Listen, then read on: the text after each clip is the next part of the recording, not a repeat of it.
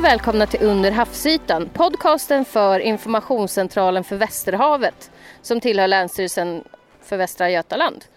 Och eh, jag som pratar nu det är Lina Rasmusson och med mig har jag som vanligt min gode kollega Markus Stenegren. Markus, även det här programmet så är vi ju utanför studion och ute på äventyr. Vars är vi idag någonstans? Strålande solsken återigen.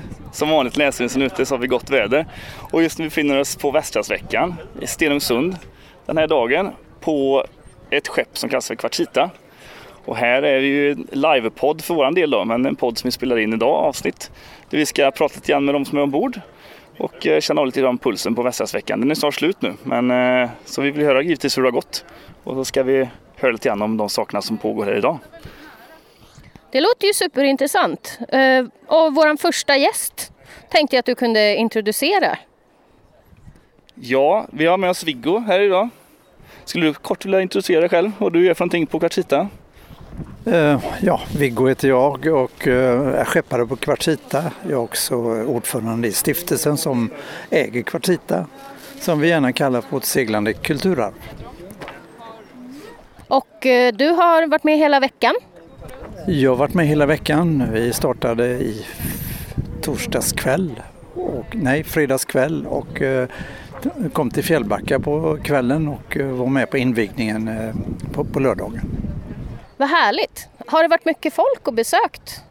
En fantastisk invigning måste jag säga. Vi låg i Fjällbacka som var lite blåsigt men soligt och när arrangemangen kom igång så var det fantastiskt uppslutning. Det kom massor av folk. Det var politiker, det var invigtstalare och vi hade prytt kvartsita med flaggor över topp.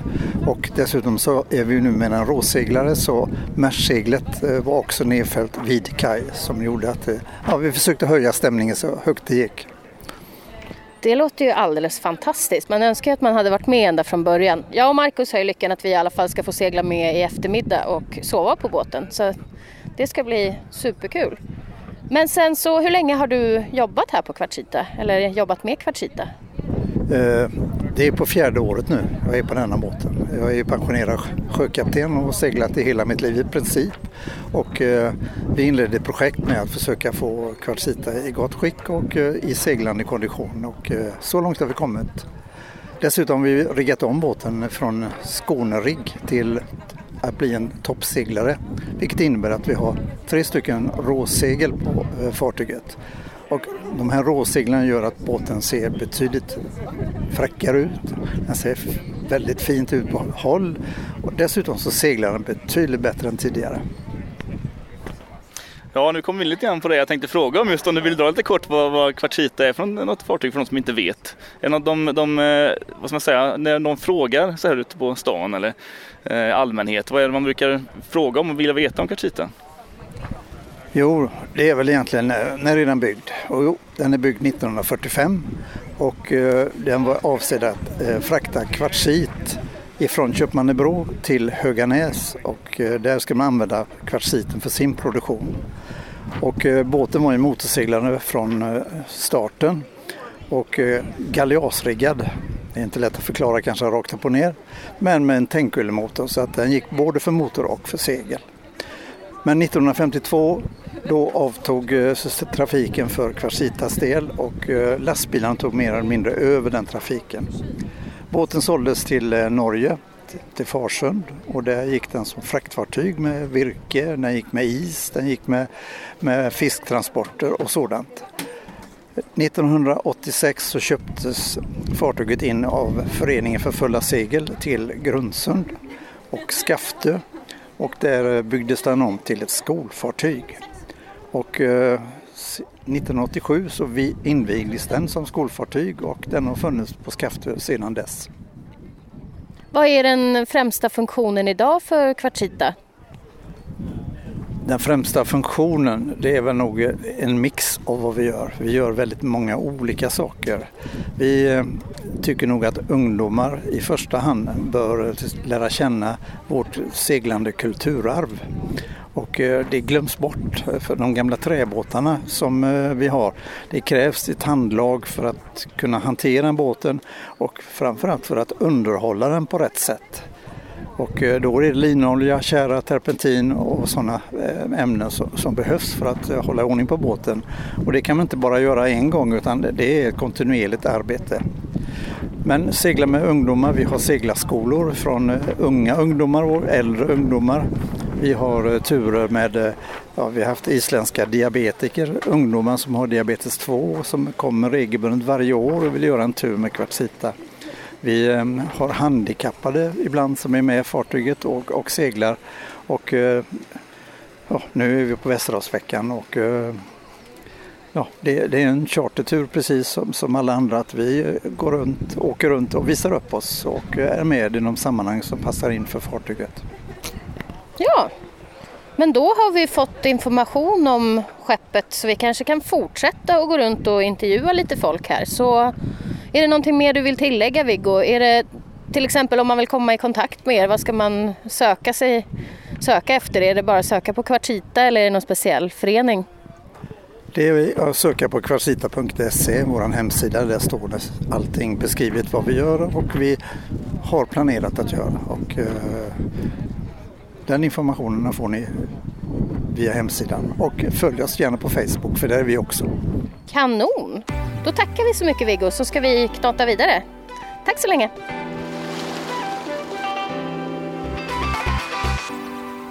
Då är vi tillbaka och i förra avsnittet så var jag på väg att söka jobb på Koster. Nu efter jag pratade med Viggo så är det nog mer så att jag ska bli skeppskatt på Kvartsita. Eh, sen får vi ju se hur det går med det. Men vi har nu hittat en ny person att intervjua och vem har vi här? Jag heter Carl-Johan Nylén, jag jobbar som kommunikatör på Centrum för hav och samhälle, Göteborgs universitet. Och vad är det ni är här och in informerar om framförallt, du och dina kollegor? Ja, men idag har vi pratat eh, om marina kolonilotter. Men det är ett eh, projekt vi har haft på eh, Kärnö marina laboratorium där vi har gjort ett pilotförsök med en marin kolonilott. Och de här kolonilotterna, jag tänker en, en kolonilott på land fast vi flyttar över den i havet istället. Så här odlar vi då småskaligt eh, det som eh, funkar att odla i havet och då är det eh, musslor, framförallt blåmussla och sen eh, alger. Vi har odlat eh, sockertång eller sockertare som det också heter. Eh, och sen har vi testat lite andra saker. Vi har haft eh, ostron, vi har haft eh, eh, lite snäckor, strandsnäcka, eh, lite andra alger och, och, och provat. Och de vi har liksom känner att det funkar bäst med har varit blåmusslor och sockertång. Mm. Är det några andra alger som ni har odlat så eller är det mest sockertång? Och för de som undrar, sockertång är en typ av kelp. Så det är stora brunalger. Ja men precis, det är ju en stor eh, brunall som blir eh, upp mot en meter lång så det, och som växer väldigt fort. Vi har planterat den på hösten, satt den som småskott på, på ett rep och på våren så var de ju 70 centimeter så det växer fort och de växer på vintern. Vi har också odlat havssallad, eh, den som heter Ulva också. Eh, som också växer till väldigt fint eh, på, i våra odlingar. Eh, så framförallt de algerna vi använt. Och vad skulle du säga, man tänker Ja, men när man tänker att äta alger då tänker man ju mycket Japan och, kanske mer det asiatiska köket så. Men eh, vad, vad, kan man göra med alger egentligen? Och lite så i, i matlagning hemma om man skulle samla själv?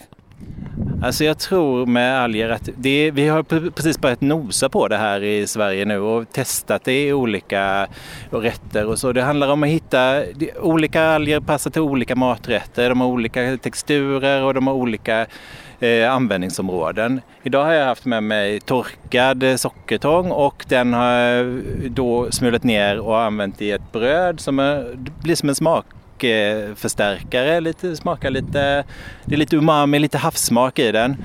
Men brödet är liksom det, det, det är som att man har en brödkrydda i ungefär. Mm.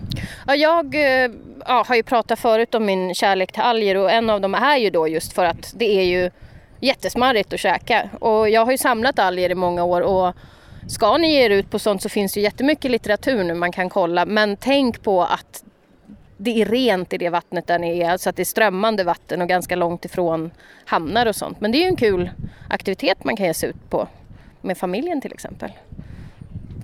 Jag skulle vilja backa bandet lite grann. Jag, jag är inte jätteinsatt just hur marina kolonilotter så jag tänker, skulle du kunna beskriva hur en marin kolonilott faktiskt skulle se ut i praktiken?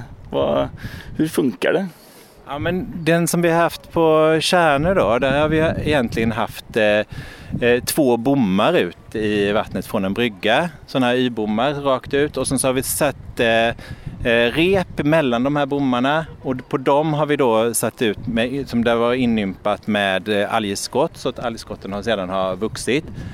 Eh, och sen har vi haft eh, musslor på rep och sen har vi haft tomma rep som det har fått fästa vad det har velat på så man har fått se vad som faktiskt växer där naturligt. Det har varit mycket sjöpung på dem. Eh, och, eh, men hur en marin kolonilott ser ut, det eh, är ganska olika. Vi, är ganska, vi har varit inspirerade från Danmark. Där har man hållit på med marina kolonilotter i drygt tio år. Och och eh, det finns, idag finns det ett eh, 30-tal olika odlingar i eh, Danmark och de ser väldigt olika ut. De har anpassats efter vad de är. en del är lite större, en del är mindre. Eh, en del sitter på en flotte, en del sitter från en pir ut. så det kan vara på olika sätt. Och inne i Köpenhamn så har de en demonstrationsanläggning som visar, och där har de då haft rep eh, ner i vattnet och så har de haft en vevanordning så man kan veva upp de här musslorna så man kan plocka upp dem och så har de haft mycket skolklasser och så som har varit där och tittat och provat och gjort olika experiment med de här musslorna. Så att, eh, det finns liksom inget koncept som är så här ska det se ut utan det som är en marin kolonilott det är en odling, en småskalig odling i havet. Eh, och sen kan man ha burar också där man kan förvara så det är inte bara eh, odling utan det kan också vara förvaring. Så man kan se det här som havets skafferi. Okej, ja, men det låter ju jättebra framförallt för framtiden eftersom vi behöver ju kanske flytta våra resurser lite vart vi odlar vår mat eftersom vi inte har så mycket landarealer kvar på, på, på land helt enkelt.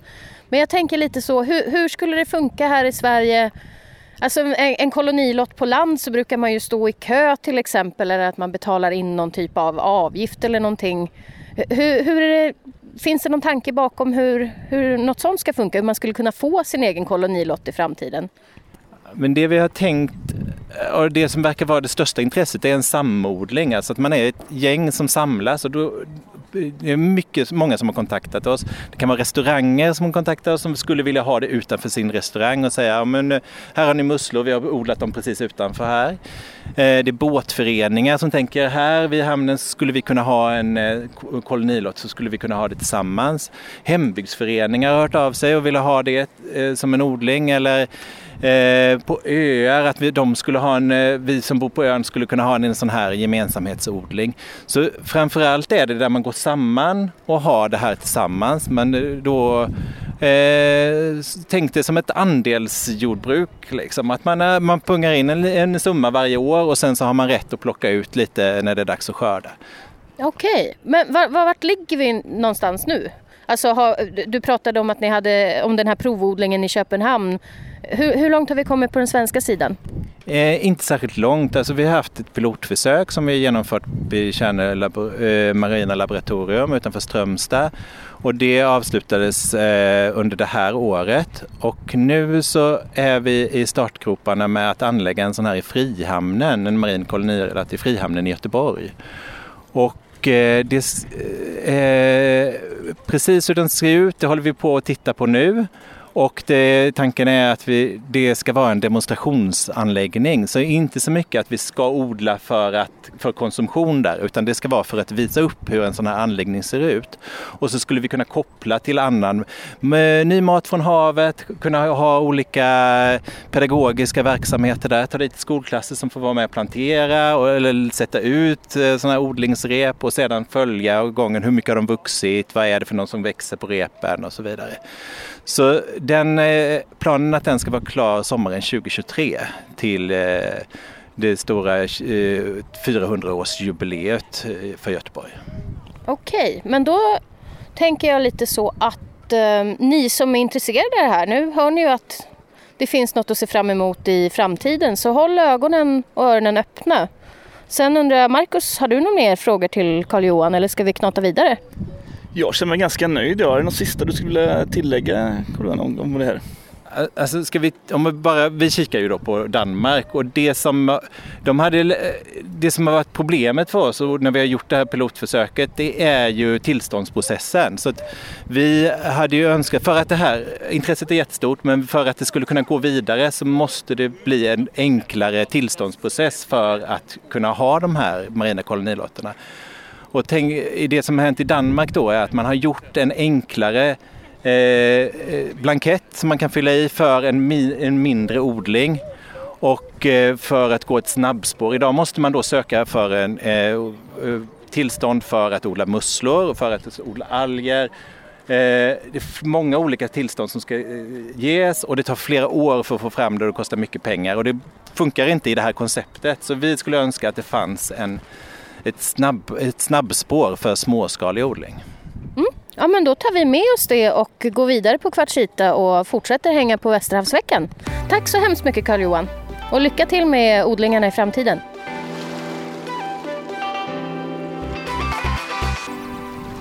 Då var vi tillbaka igen och nu har vi faktiskt lämnat Stenungsunds hamn. Tagit oss ut på det böljande blå. Dagen börjar gå mot sitt slut. Men vi har ju en eh, trevlig avslutning kvar ska prata lite marint skräp och vi har ju hittat en eh, expertkälla på det här på fartyget givetvis. Och med oss har vi Östen, vill du snabbt intressera dig själv? Östen Elén heter jag, eh, elingenjör från början. Eh, inbiten seglare, bor på segelbåten sex månader om året ungefär. Det, det, är lite av grunden kring det hela. Pensionär borde jag vara vid det här laget. Eh, jag ska säga, vad är det? 78 år är jag. så att ja, så är det. Det är nära. Ja, perfekt. Och du har ju varit med Strandstädarna nu har vi ju sett. Och eh, vi skulle prata lite marint skräp. Det har ju varit mycket på tapeten med marint skräp. Det har ju vi, eh, vi pratat en del om också på Information Västerhavet. Eh, så att om vi ska börja verkligen basic nu. Vad, vad är marint skräp för någonting egentligen? Marint skräp, ja vad är det? Det kan vara både skräp och inte skräp. Om vi tittar på vad som kommer in ifrån Nordsjön till exempel så kommer in ett antal fiskelådor.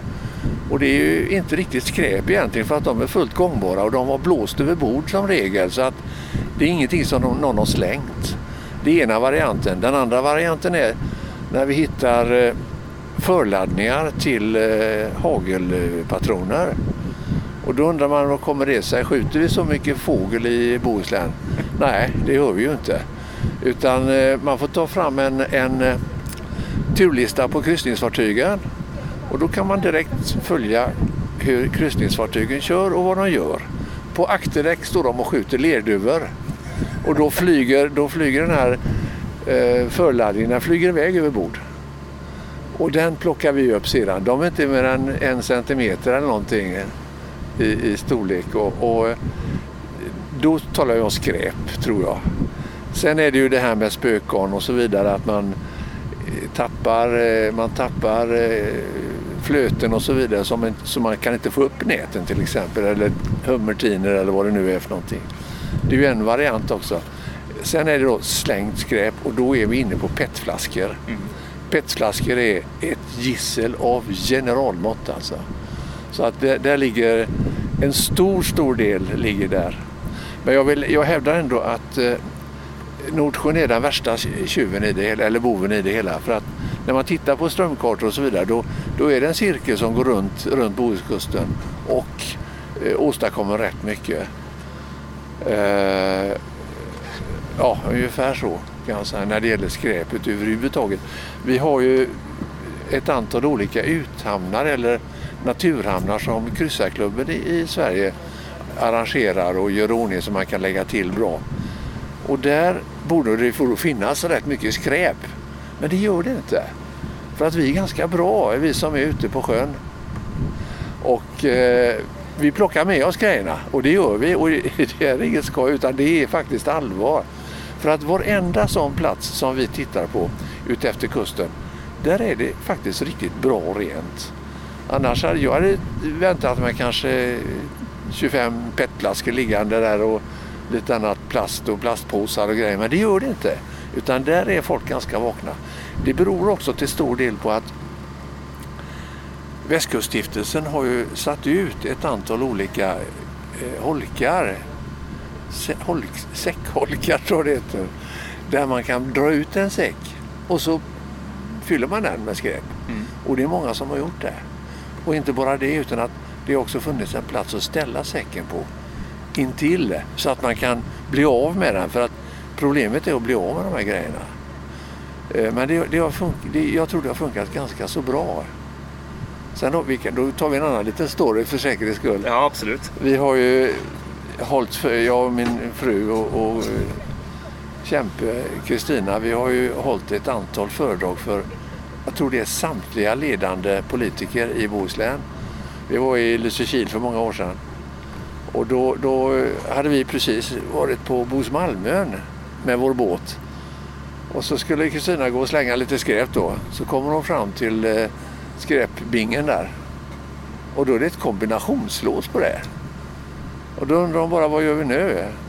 Och vi får ju fatt på hamnchefen där. Och då säger han så att det är inga problem, ni får betala 50 kronor i dagavgift så får du, får du koden till mig. Men det gjorde vi ju inte.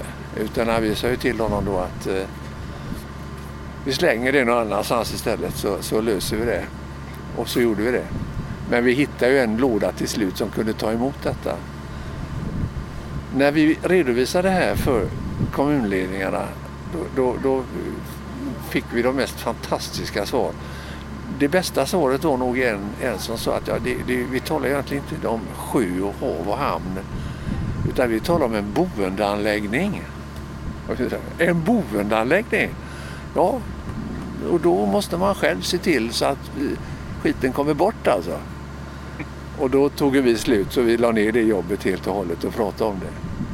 Men vi har, det är en, våran båtgranne kom i, till Kungshamn och det var samma visa där. Men hon var lite mer karsk. Hon sa till honom där att inga problem, jag. Jag tar de här tre påsarna så, strö, så strör vi ut det där vi eh, var senast på den ön, den och den ön. Då öppnade han lådan och släppte in, och släppte in skräpet. Ja, det var det som behövdes. Men han, han var ju lite normalmänniska om man säger så. Mm. Så att det finns ja, så mycket varianter på detta så det är inte klokt mm. alltså. Om vi kopplar bak lite till, till Nordsjön som är den stora boven. Det, det har vi hört ganska mycket om också. Och det är ganska stora mängder och även vissa fraktioner som kommer in från Nordsjön. Men om vi tänker det arbete som ni utför nu då, hur mycket skräp plockar ni ungefär årligen? Det är väldigt olika är det, men vi har alltså vi jobbat 3000 timmar lägger vi ner ideellt på detta. Och då är det mellan 50 och 60 olika människor som är med och delar i det. Och eh, vad var frågan? Ja, hur mycket årligen ungefär som ni plockar? Då, jag tänker inte volym då, eller? Nej, då, då vi ligger på cirka, jag gissar nu, ett år så hade vi över, över 30 ton. Ja. Normal, ett normalår var, på den tiden var 30 ton helt okej. Okay. Idag så är det inte så mycket för att vi har fått undan det mesta. Alltså. Väldigt, väldigt mycket. Jag tror inte vi lägger in mer än 10 ton i år kanske. Kanske ännu mindre. Mm. Eh, beroende på lite olika saker men vi har ju börjat att titta på andra saker också nu till exempel eh, lastpallar. För våra kollegor hade börjat plocka det. För det, det, det flyter omkring mycket sånt elände. Men eh, ungefär då. Så att i år så ligger vi kanske på en 10 ton. Ja, det är väldigt positivt i alla fall med någonting, att någonting ser ut att bli lite bättre i havsmiljön, att vi har mindre skräp. Där, där, där, där, är vi, där är vi kan säga, tillfreds på något sätt. Vi, vi, när vi var för några veckor sedan kom ut till en ö som vi vet alltid har varit smutsig. Va? Kom dit så var det alldeles rent. Då hade naturligtvis någon varit där och städat men inte fått med sig speciellt mycket för att det fanns inte så mycket. Och det känns, alltså det känns i hjärtat verkligen. Mm. Här har vi varit, här fixar vi det. Eh, och, och, och det funkar bra. Va? Och det, alltså, och Orust skärgårdar är de renaste i hela, på hela västkusten. Utan vidare. Ja, det verkar som att det blir mycket bättre då, helt klart. Och det, som du nämnde här innan vi började spela in här, att det verkar vara som att det är ganska många fler aktörer också nu än vad det var förr. Men eh, vad, vad är vilka aktörer som finns nu och vem är det som betalar för det? Ja, det här är, det här är intressant alltså för att när vi började då fanns det inga. Utan då var det vi som eh, körde då för tio år sedan. Sen har ju vi intresserat vi, vår, vår, eh, ska jag säga, ett av våra mål var att starta upp några fler föreningar ute efter kusten. Men vi har inte kommit så långt ännu kan jag säga. Även om vi har hållit på länge. Men, men vi har planer på det. Och vi har nästan en grupp på Orust nu också och en grupp på Tjörn som jobbar. Och det, det, har, det har blivit väldigt bra alltså. Mm. Så långt. Ska vi dra några rövarhistorier också? Ja, det var det jag tänkte komma till nu här. Har du några sköna anekdoter på något ah, kul ni har hittat eller någonting som har varit något jättejobbigt ställe ja, eller nej, folk det- som har ramlat över bord. Sånt där gillar man ju. Ja, det är klart. Det är klart. Men då, vi börjar med den gulliga delen. Vi hittar ju mycket flaskpost. Och det är faktiskt kul för att då är det någon unge som har släppt iväg en flaska och, och skrivit då i positioner. Och vi har gjort så då att vi har, vi har sökt upp dem och fixat det här och, och, och pratat med dem. Men det var en tjej från, jag tror hon var från Holland eller Tyskland, jag är inte riktigt säker. Eh, som som eh, svarade och skickade upp en film på sig själv. Så vi var ju tvungna att ta lite bilder och skicka ner på, från oss också då. Va? Så det var, och det var väldigt trevligt och hon var så glad för att vi hade plockat henne. Det var den gulliga historien. Sen så kommer nästa variant. Det är ju, det är ju när man eh, går runt och, och tittar och, och så kommer Ulrika, en, en bekanting, och eh, har med sig ett, jag tror det var ett ganska, jag var inte själv med då, ett rejält rör och, och ja, det var tungt och det var konstigt. Så att vi gjorde så att vi tog en bild och skickade ner det till Kustbevakningen. Och de sa ju direkt, för de skickade det vidare till marinen, att ni får inte röra den. Och då kommer hon gående med den. här. Så, så det är på marken och så stänger vi av då runt omkring. Nu gjorde vi inte det där exakt, men vi har fått order att göra det, stänga av omkring. Då. Och de kom ut och då visade det sig att det var en fosforgranat som var från andra världskriget. Så de sprängde den. Och det var ju, det var ju lite spännande kan man väl säga. En redig smäll var det. Dra Ja. Ja. Och sen har vi en annan variant som då är närmar sig det otäcka, eller den är otäck. Eh, En kille kom, kom till mig, eller ringde till mig och sa Östen, du måste, du måste komma ut, du får ta båten, jag vill inte köra bil. Ja, vad är det som har hänt? Så, ah, det, får, det, det, det, det tar vi sen. Men jag hann inte ut för att jag, jag skickade en annan kille ut istället. Och då hade han, eh, hade han gått och hittat en sko, en, en gummisko och så hans kompis hittade en gummisko också. Då bara att den vägde mycket mer än gummiskon. Och då sitter det en fot i den. Otäckt. Oh. Den är inte bra alltså. Nej. Men jag kan ju säga att vi, jag är inte förvånad. Nu lyckades vi, man lyckades via DNA få fram att det var en, eh, en herre som hade trillat, ja, ramlat i sjön eller något nu för ett bra tag sedan. Och han hade en tvillingsyster i regionen. De redovisar ju aldrig var de är någonstans. Nej. Så att eh, eh, de fick kläm på vem det var i alla fall. Mm. Och det är otäckt alltså. Ja, Ja. Sen frågade nu får du stänga av där. Så frågade polisen då, vad, eh, kan ni inte leta efter skallen? Ska vi gå skallgång då, säger han. Välkomna till Göteborg. Och folk undrar varför jag flyttar hit. Och det är, men, men eh, tillbaka till allvaret, det är ju så här att eh, det förekommer ju rätt mycket, eller det förekommer kroppar som dyker upp då och då. Va? Och vi hade en, en, en olycka, tror jag det var, på Marstrandsfjorden där en gubbe försvann. Och jag tänker att eh, när vi är på de öarna runt omkring där, då, då får man vara beredd alltså. För det kan finnas, det är inte, det är inte konstigt så sett. eh, För det är så många som försvinner. Men det är en liten kortis om det. Ja. Ja, det var Ja. det. ja. Annars, annars så, så vad vi gör, en annan sak det är att det kom, dyker alltid upp någon som frågar Hur gör ni egentligen när ni, när ni plockar skräp? Jo, säger jag, det, vi, har, vi har två, två armar och två händer och med dem så böjer man sig ner och så tar man upp skräpet och så lägger det i en påse. Det är fascinerande. Vilken Ja. teknik. Ja, Ja, och då frågar, då frågar de andra där vet du. Men har ni inga maskiner? En grävmaskin vore bra? Ja, det är klart det är fint med en grävmaskin, men hur ska du ta ut en grävmaskin till en liten kobbe i Bohusläns skärgård? Det går alltså inte utan vidare. Va? Nej. Men många är så fixerade vid verktyg. Så att eh, nu har vi, nu har vi eh, till, ja, vi har en eh, tigersåg, vi har lite sådana grejer för att när det kommer in trossar till exempel. Nu vet du, sådana här trossar som är en, en decimeter i diameter. De, de lyfter du inte och grejer med hur som helst alltså, utan då får, du, då får man såga isär dem. Mm. Vi hade en på 90 meter tror jag en gång. Jag tror det var 90 meter totalt. Ja. Så vi fick såga upp i bitar då och, och, och eh, ta in. Och det är, det är tunga grejer.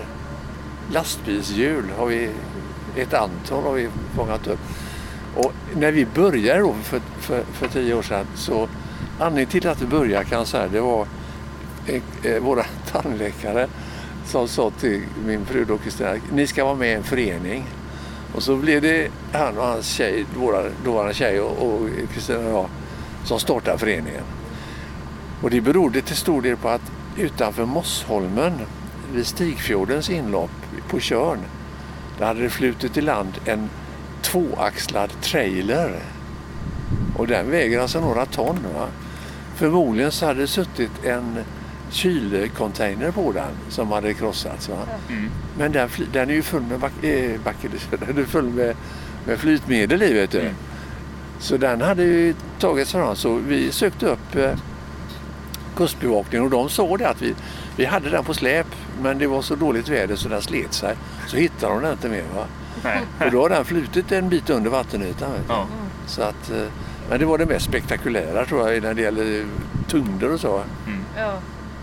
så att, men sen en annan sak också, det måste ju poängteras. Vi är ju inte, vi är ju inga 25-åringar med, det kan jag säga. Alla, alla är plussare. Jag tror, Så det behövs helt klart lite föryngring då med andra ord. Jag kommer lite o- outsvigt in på det då liksom för att avsluta Ja, lite grann här då. det- Vad, Ja. vad den enskilde personen som kanske är intresserad, så, speciellt om vi behöver lite föryngring. Hur, hur kan man själv engagera sig i det här om man nu är intresserad och sugen? man bara tittar på vår hemsida och så, så anmäler man sig. Så får man följa med. Vi tar 12 personer i båten och alla är välkomna. Och ungdomar får gärna komma men då ska det vara målsman med. Ja. Och, och de ska ha egna flytvästar. Annars har vi alla, alla grejer har vi på båten. Och, och, så det, det, det funkar bra. Men som du säger, det, det är svårt alltså att få ungdomar med. Och vi har fått en del familjer som har varit med. Och det har ju varit, alltså ungarna uppskattar det. Och de är ju på skräpsafari då. Va? Så det är ju jättespännande för dem. Så att eh, vi får se, lite föryngring blir det nog. Jag hoppas det helt klart. Vi hoppas kidsen inte hittar vätebomber och liknande Nej. då på stränderna utan kanske något roligare. ja. Men med det då, då känner vi lite så att nu har vi fått reda på väldigt mycket intressant information om strandstädarna och vad ni gör och hur man gör om man vill gå vidare med det. Och ja, jag känner väl lite så att våran tid här på Västerhavsveckan i alla fall och nu vill Östen säga någonting mer. Vänta här nu. För att bli, för att bli licensierad strandstädare så måste man ta en säck, 70 liter, så får man sätta sig ett nyponsnår och plocka tops. Och när den är full, då är du legitimerad och klar. Perfekt, ungefär lika enkelt som att ta baddaren i simskolan tycker jag det låter som.